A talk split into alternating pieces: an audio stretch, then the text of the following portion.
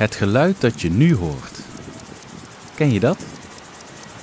Het klinkt een beetje als een trein die optrekt. Maar het is een springhaan met de naam het locomotiefje. Dames en heren, welkom bij Luisterruit, de NS-podcast voor in de trein. Met mooie verhalen over één thema maken wij van jouw ritje, de trein, een reis. Yes, ik ben Thijs en in deze extra aflevering gaan we de natuur in. NS vroeg ons namelijk een speciale luisteruit te maken over buitenpoorten. Buitenpoorten? Ja, nu nog onbekend, maar over een paar jaar is het een begrip. Luister maar naar Corine Meijer van de provincie Noord-Holland, die samen met NS en nog heel veel andere organisaties buitenpoorten ontwikkeld heeft. Er zijn een heleboel stations die op een hele bijzondere plek liggen, vlakbij uh, natuurgebieden of uh, mooi landschap of recreatiegebieden. En waarvan mensen eigenlijk nu nog niet weten dat ze zo dichtbij liggen. Dus eigenlijk is de natuur zo dichtbij de stad en heel makkelijk te bereiken via het OV. En eigenlijk um, willen we dat graag bekendmaken. Die stations zijn uh, eigenlijk nu nog heel zakelijk ingericht en functioneel en niet heel aantrekkelijk. En wat we willen is dat de beleving al op reis gebeurt en dat ze aankomen en dat die stations ook echt een, uh, ja, een soort warm welkom zijn. Met, uh, je kan daar uh, een kopje koffie drinken, je hebt bepaalde voorzieningen zoals fietsverhuur. En uh, je komt eigenlijk ook al meteen in een soort groene omgeving terecht. Dus een omgeving die past bij het landschap waar je naartoe wil of naar het recreatiegebied. En um, je ziet ook eigenlijk meteen waar je naartoe moet. Nu is het nog vaak dat je, dat je op een, grote parkeerplaats aankomt. En uh, wat je wil is dat mensen gewoon eigenlijk door de omgeving al aan de hand worden genomen. Ik moet die kant op en daar gebeurt het. Over een paar jaar willen we eigenlijk door heel Nederland uh, heel veel buitenpoorten. En dan moet iedereen weten dat ze in het weekend met elkaar uh, thuis kunnen kijken op internet of op een app. Van waar zullen we heen, naar welke buitenpoort gaan we van het weekend. En dat het al een feest is vanaf het moment dat je de trein instapt. En dat je weet van nou ik moet hier uitstappen, want hier is een buitenpoort. En ben jij nou een echte early adopter? Ga dan hup naar Zandpoort Noord, want dat is de eerste buitenpoort van Nederland. Je loopt vanaf daar zo het prachtige nationale park Zuid-Kennemerland in. En je kan er Landhuis Duin en Kruidberg bezoeken. Dat was vroeger het grootste woonhuis van Nederland. In deze aflevering hoor je er meer over. We gaan ons ook overgeven aan de edele kunst van het bosbaden. Met misschien wel de bekendste boswachter van Nederland, Marieke Schattelijn.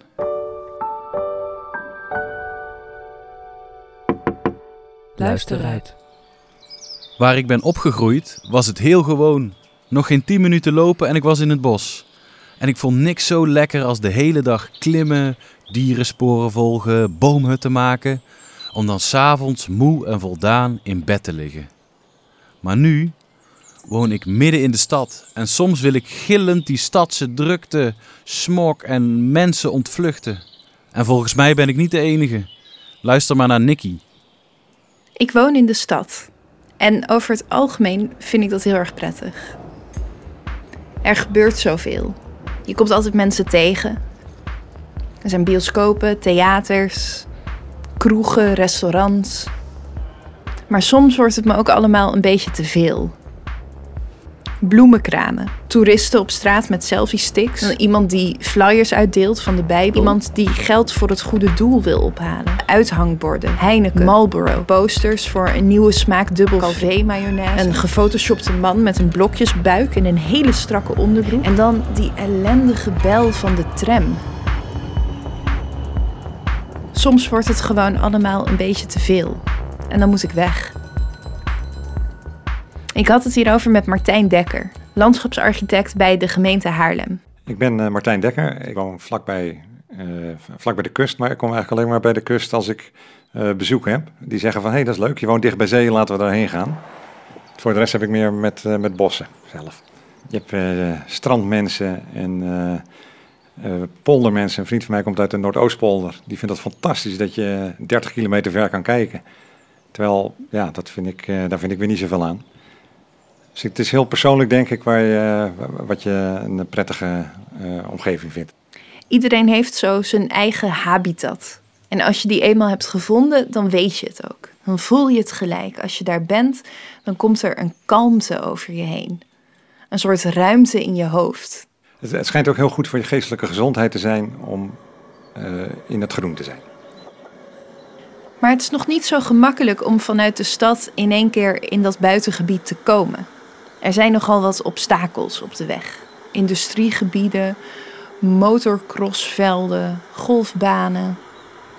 Je hebt heel vaak als je de stad uitloopt of het dorp uitloopt, loop je heel snel tegen een weiland aan, wat weliswaar een buitengebied is, maar waar meteen een, eh, een prikkeldraad uh, voor hangt, zodat het moeilijk toegankelijk is.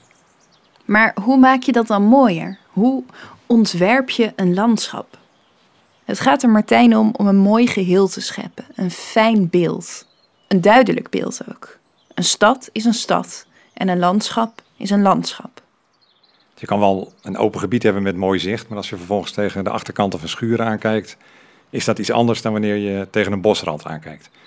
Dus daar kan je ook op richten om dan een, ja, een, uh, een, een, een mooie rand te ontwerpen. In sommige gebieden is die grens tussen stad en land steeds meer fluïde geworden. Ze lopen heel erg in elkaar over. En Martijn Dekker vindt dat eigenlijk niet zo mooi. Nou, omdat ik het wel een kwaliteit vind om een stad heel stedelijk laten zijn en het buitengebied uh, heel landelijk. Uh, als je niet uitkijkt, dan krijg je namelijk rond steden een, uh, ja, een hele zone met volkstuintjes, sportvelden, uh, weet ik wat, functies die moeilijk in de stad pasten.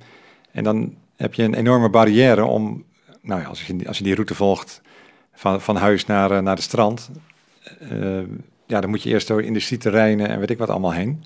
Dat het een heel duidelijk moment is waarop je het buitengebied inloopt. Dan, dan loop je uh, de, de, stad uit en, en dan ben je buiten. En je zou het niet verwachten als je zo naar de stad kijkt. Alle drukte, toeristen, bussen, trams.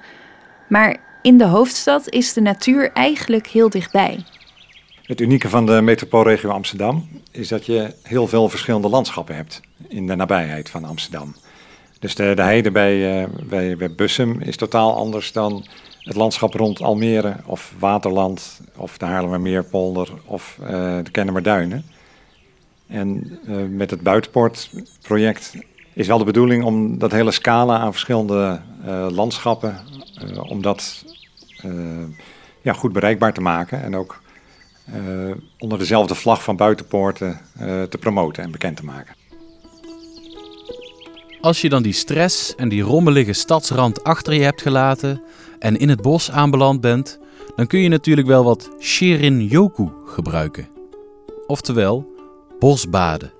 Een meditatieve manier van wandelen, overgewaaid vanuit Japan. Babette ging het eens uittesten met misschien wel Nederlands bekendste boswachter, Marieke Schattelijn. Door al haar televisieoptredens komt ze nog maar zelden toe aan even lekker ontspannen in de natuur. Hoog tijd voor een bosbad.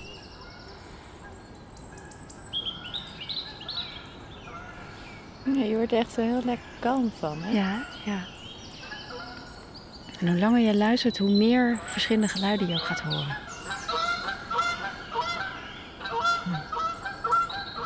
Kom je ook nog in de natuur voor ontspanning? Dat, dat vergeet je wel eens. Want mensen denken wel eens, nou, een boswachter is altijd buiten en dat is heel ontspannen. Maar het is natuurlijk ook gewoon werk. En we zijn ook bezig met handhaving. Dus je controleert, weet je, of mensen zich aan de regels houden. En als ik opnames doe, ik haal er natuurlijk ontzettend veel plezier uit, maar ik ben wel heel gefocust bezig. Dat is wel iets anders dan bosbaden. Uh, dus ik zorg er wel voor dat ik in mijn vrije tijd dat ook even loslaat. Soms mag ik ook niet eens mijn verrekijker meenemen van mezelf. Want dan ben je ook weer zo bezig met zoeken, met leren, met ontdekken. Uh, maar dat bosbaden gaat echt om het ondergaan van de natuur en dat op je systeem laten inwerken. We zijn hier op uh, buitenplaats Elswoud. En dat is omdat dat een van de gebieden is waar ik werk als boswachter. Als je in Amsterdam de trein pakt, dan uh, ben je hier in een half uur ongeveer. Dat is echt fantastisch. Heb je wel eens mensen hier zien bosbaden? Nou ja, als iemand hier op een hele rustige, aandachtsvolle manier door het bos loopt, weet ik natuurlijk niet of ze dan formeel bezig zijn met bosbaden. Maar het zal diezelfde uitwerking hebben. Maar dit is wel de plek om het te doen, ja. Ja, ik dacht, eh, misschien kunnen we het nu samen doen. Ja, ja, laten we gaan. Het, eh, het bos roept. Ja, moet je deze beuk zien. Kijk hoe groot die is. Ja, machtig hè. Zie je ook wel eens mensen bomen knuffelen? Nee, ik zie wel eens mensen tegen een boom aanzitten. Ook wel eens dat ze een inscriptie achterlaten. Dat is toch altijd wat minder fijn eh, voor de boom. Maar het knuffelen niet, eh, nee. Wel dat iemand bijvoorbeeld meditatieoefeningen of een beetje yoga-achtige oefeningen doet eh, in het bos. En hoe vind je het om dan toch nog een beetje de stadsgeluiden om je heen te horen? Ja, je went daar toch wel een beetje aan. Hè? Althans, we hebben wel gehad dat het eh, vliegverkeer eh, stil was gelegd. En toen trokken er hier helemaal geen vliegtuigen over. En toen zeiden heel veel mensen tegen mij, wat was dat heerlijk. Het was echt rustig. En dan merk je het pas. Dat is zo letterlijk niet te hard loop. Ik altijd gewend om in een flinke pas door het bos te gaan. En een van de dingen is natuurlijk wel dat je jezelf echt een beetje tot rust eh, maand. Dus gewoon door even rustig te lopen. Het is ook al aangelegd eigenlijk om al je zintuigen te prikkelen. Dat was vroeger ook zo. Ook toen ontvluchten mensen de stad en kwamen in de natuur om tot zichzelf te komen of om inspiratie op te doen. Mensen kwamen hier om te schilderen, om gedichten te schrijven. En nu zie je dat dus nog steeds. En dat vind ik zo leuk. Je ziet hier gewoon mensen hier weer hun schildersezel uitklappen om te gaan tekenen. Maar ook dat mensen hun schoenen uittrekken en met blote voeten het bos ingaan. Er worden veel stiltewandelingen gemaakt. We hebben yogascholen die hier in de zomer hun buitenlessen doen. Uh, dus ja, dat, dat zie ik hier wel heel duidelijk terug. En wat horen we nu? Ja, we horen nelganzen. Die zijn echt ontzettend druk op het moment. Waar je het net over had, hè? Over dat, dat je wel eens mensen ziet hun, uh, hun schoenen uitdoen. Om Ja. uh, op blote voeten hier te lopen. Heb je dat zelf wel eens ook Ja, gedaan? ja, ik doe het ook wel eens, ja. Alleen als ik zo in uniform loop, dan vind ik het toch altijd een beetje gek. Dan hou ik mijn schoenen aan. maar ja, ik doe, het, eh, doe dat wel heel graag. Zeker in deze omgeving met eh, lekker veel zand is dat heel aangenaam. En je loopt er absoluut anders door. Iedereen zou het een keer moeten proberen, want je moet bewust lopen. Ik bedoel, anders doe je gewoon je voeten zeer. Dus dat dwingt je meteen tot het aannemen van een ander tempo en veel bewuster ja, je door het bos te bewegen. Kijk, nou gaat weer een houtduif. Een heleboel houtduiven op het moment.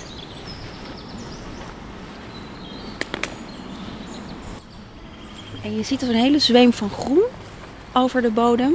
En dat is de daslook die nu opkomt. Hier, wil je ruiken? Een klein beetje kneuzen tussen je vingers dan? Oh, heerlijk. Ja, hè? Ja, echt. Beetje tussen ui en knoflook in zit het. Ja, heel lekker. Ja. Maar dit is mooi, hè? Dit zijn weer de eerste tekenen van groen eh, na de winter. Ja, in de natuur zijn is er gewoon een hele... Ja, het is echt een zintuigelijke ervaring. Hè? Je gebruikt je lichaam er ook bij. Je loopt, je voelt de grond, je hoort geluiden, je ruikt, je ziet, je voelt. Daar gaan ze weer.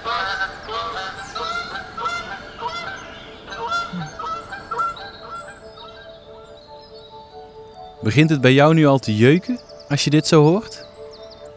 Ik denk dat bijna iedereen, als je eenmaal in de natuur bent, denkt: "Oh, dit moet ik vaker doen.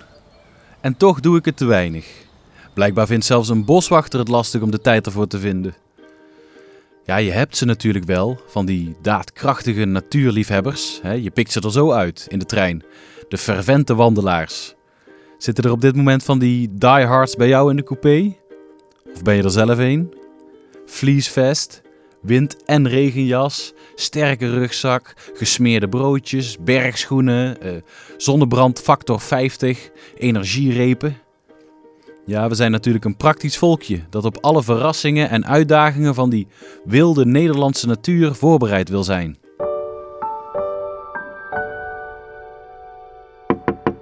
Luister uit. Vroeger was een uitstapje naar buiten een privilege van de rijken. Die pakten dat grondig aan. Even bellen en ze bouwden een stationnetje in de achtertuin van je landhuis. Elianne ging een kijkje nemen bij Landhuis Duin en Kruidberg aan het einde van de eerste buitenpoortlijn naar Zandpoort Noord.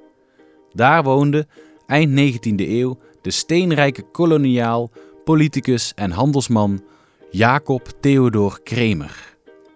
Nu is het een hotel, maar directeur Bernard Lensink weet alles van de geschiedenis. Ja, welkom op Landgoed Duin en Kruidberg. We staan hier in de voormalige winterwoonkamer van het landgoed. Dat kunnen we ook zien aan de hele mooie schouw. Die overigens uit de oude villa komt, die hier uh, op het landgoed stond toen meneer Kremer in 1895 het, uh, het landgoed kocht. En dit was dan ook de plek ja, waar men natuurlijk heel graag samenkwam voor de festiviteiten die hier allemaal plaatsvonden. Want er werd hier goed gefeest. Dat, nou ja, het was zeker. ze hadden een goede reputatie om hier grote feesten te houden. En het bijzondere is ook wel, dat is voor ons heel mooi, het landhuis toen, wat toen het grootste woonhuis van Nederland was, is eigenlijk altijd als een soort hotel gebouwd. Want mevrouw Hogan, de echtgenote van, van meneer Kremer, die was uh, van Ierse afkomst, opgegroeid in de buurt van Londen en ze had heel veel last van heimwee. En ieder weekend wilde ze eigenlijk de hele familie hier hebben. Dus wat er gebeurde, de eerste uh, etage was eigenlijk helemaal voor de familie en de tweede etage was voor de gasten zodat eigenlijk nou ja, ieder weekend er toch een gevoel van thuiskomen was. Moet je kijken, die kraak de trap.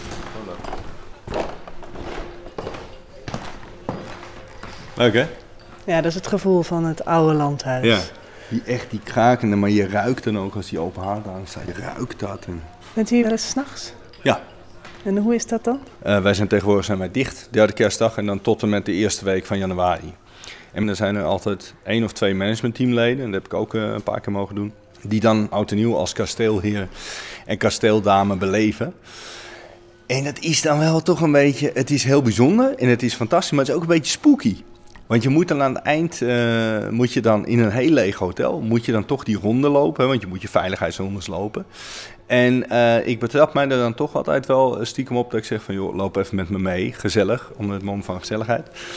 Dan heeft zo'n zo'n pand heeft iets magisch. Buitenplaatsen eh, die zijn ontstaan 16e, 17e eeuw. Toen Amsterdam natuurlijk aan het groeien was. En Amsterdam in de zomer, nou ja, daar schijnt, we kunnen natuurlijk niet alleen maar aannemen, daar schijnt het niet zo lekker eh, geroken te hebben. Hè, vanwege nou, alle uitwerpers in de grachten en dergelijke. En met name als het warm was, dan hing daar een zeer onaangename geur. Zo niet te zeggen, het stonk daar eigenlijk gewoon. En men ehm, wilde dan op zoek naar, naar gezonde buitenlucht. En met name zeelucht dat weten we allemaal. Dat is natuurlijk heel gezond voor iedereen, voor lijf en leden. En nou ja, er werd dus heel duidelijk deze kant op, uh, op uh, getrokken, richting de duinen. En dat is eigenlijk hoe die buitenplaatsen in de tijd zijn ontstaan. Het was eigenlijk degene die net voor meneer Kremer hier gewoond heeft, baron van Hal, voormalig minister van Financiën, die twee buitenplaatsen heeft samengevoegd. Dat was de Kruidberg en Duin en Berg. En dat werd uiteindelijk landgoed Duin en Kruidberg. En dat landgoed, wat inmiddels nou ja, zeg maar, uh, nu nog steeds circa 10 hectare groot is, maar vroeger veel groter was. Want er was zelfs een corridor van hier tot aan de zee, dwars door het Nationaal Park. En zelfs dat liep tot in Zandpoort dorp. Puur en alleen voor hen te gebruiken. Er stonden ook piketpaaltjes. Het persoonlijke pad naar de zee. Precies, dat was hun eigen ja, directe rode loper naar de zee, zullen we maar zeggen. Ja, en ze hebben dat eigenlijk uh, nou ja, nog ver volmaakt. Dus in de, uh, in de Gouden Eeuw gebeurde hier natuurlijk wel veel. Maar meneer Kremer die wilde niet alleen het grootste woonhuis van Nederland. Dat moest ook van alle gemakken voorzien zijn. Dus warmstromend water, cv. Er zat zelfs een paternosterlift in die er tot 1997 heeft. Het is zelfs zo dat um, Jacob Kremer een eigen stationnetje had, hè?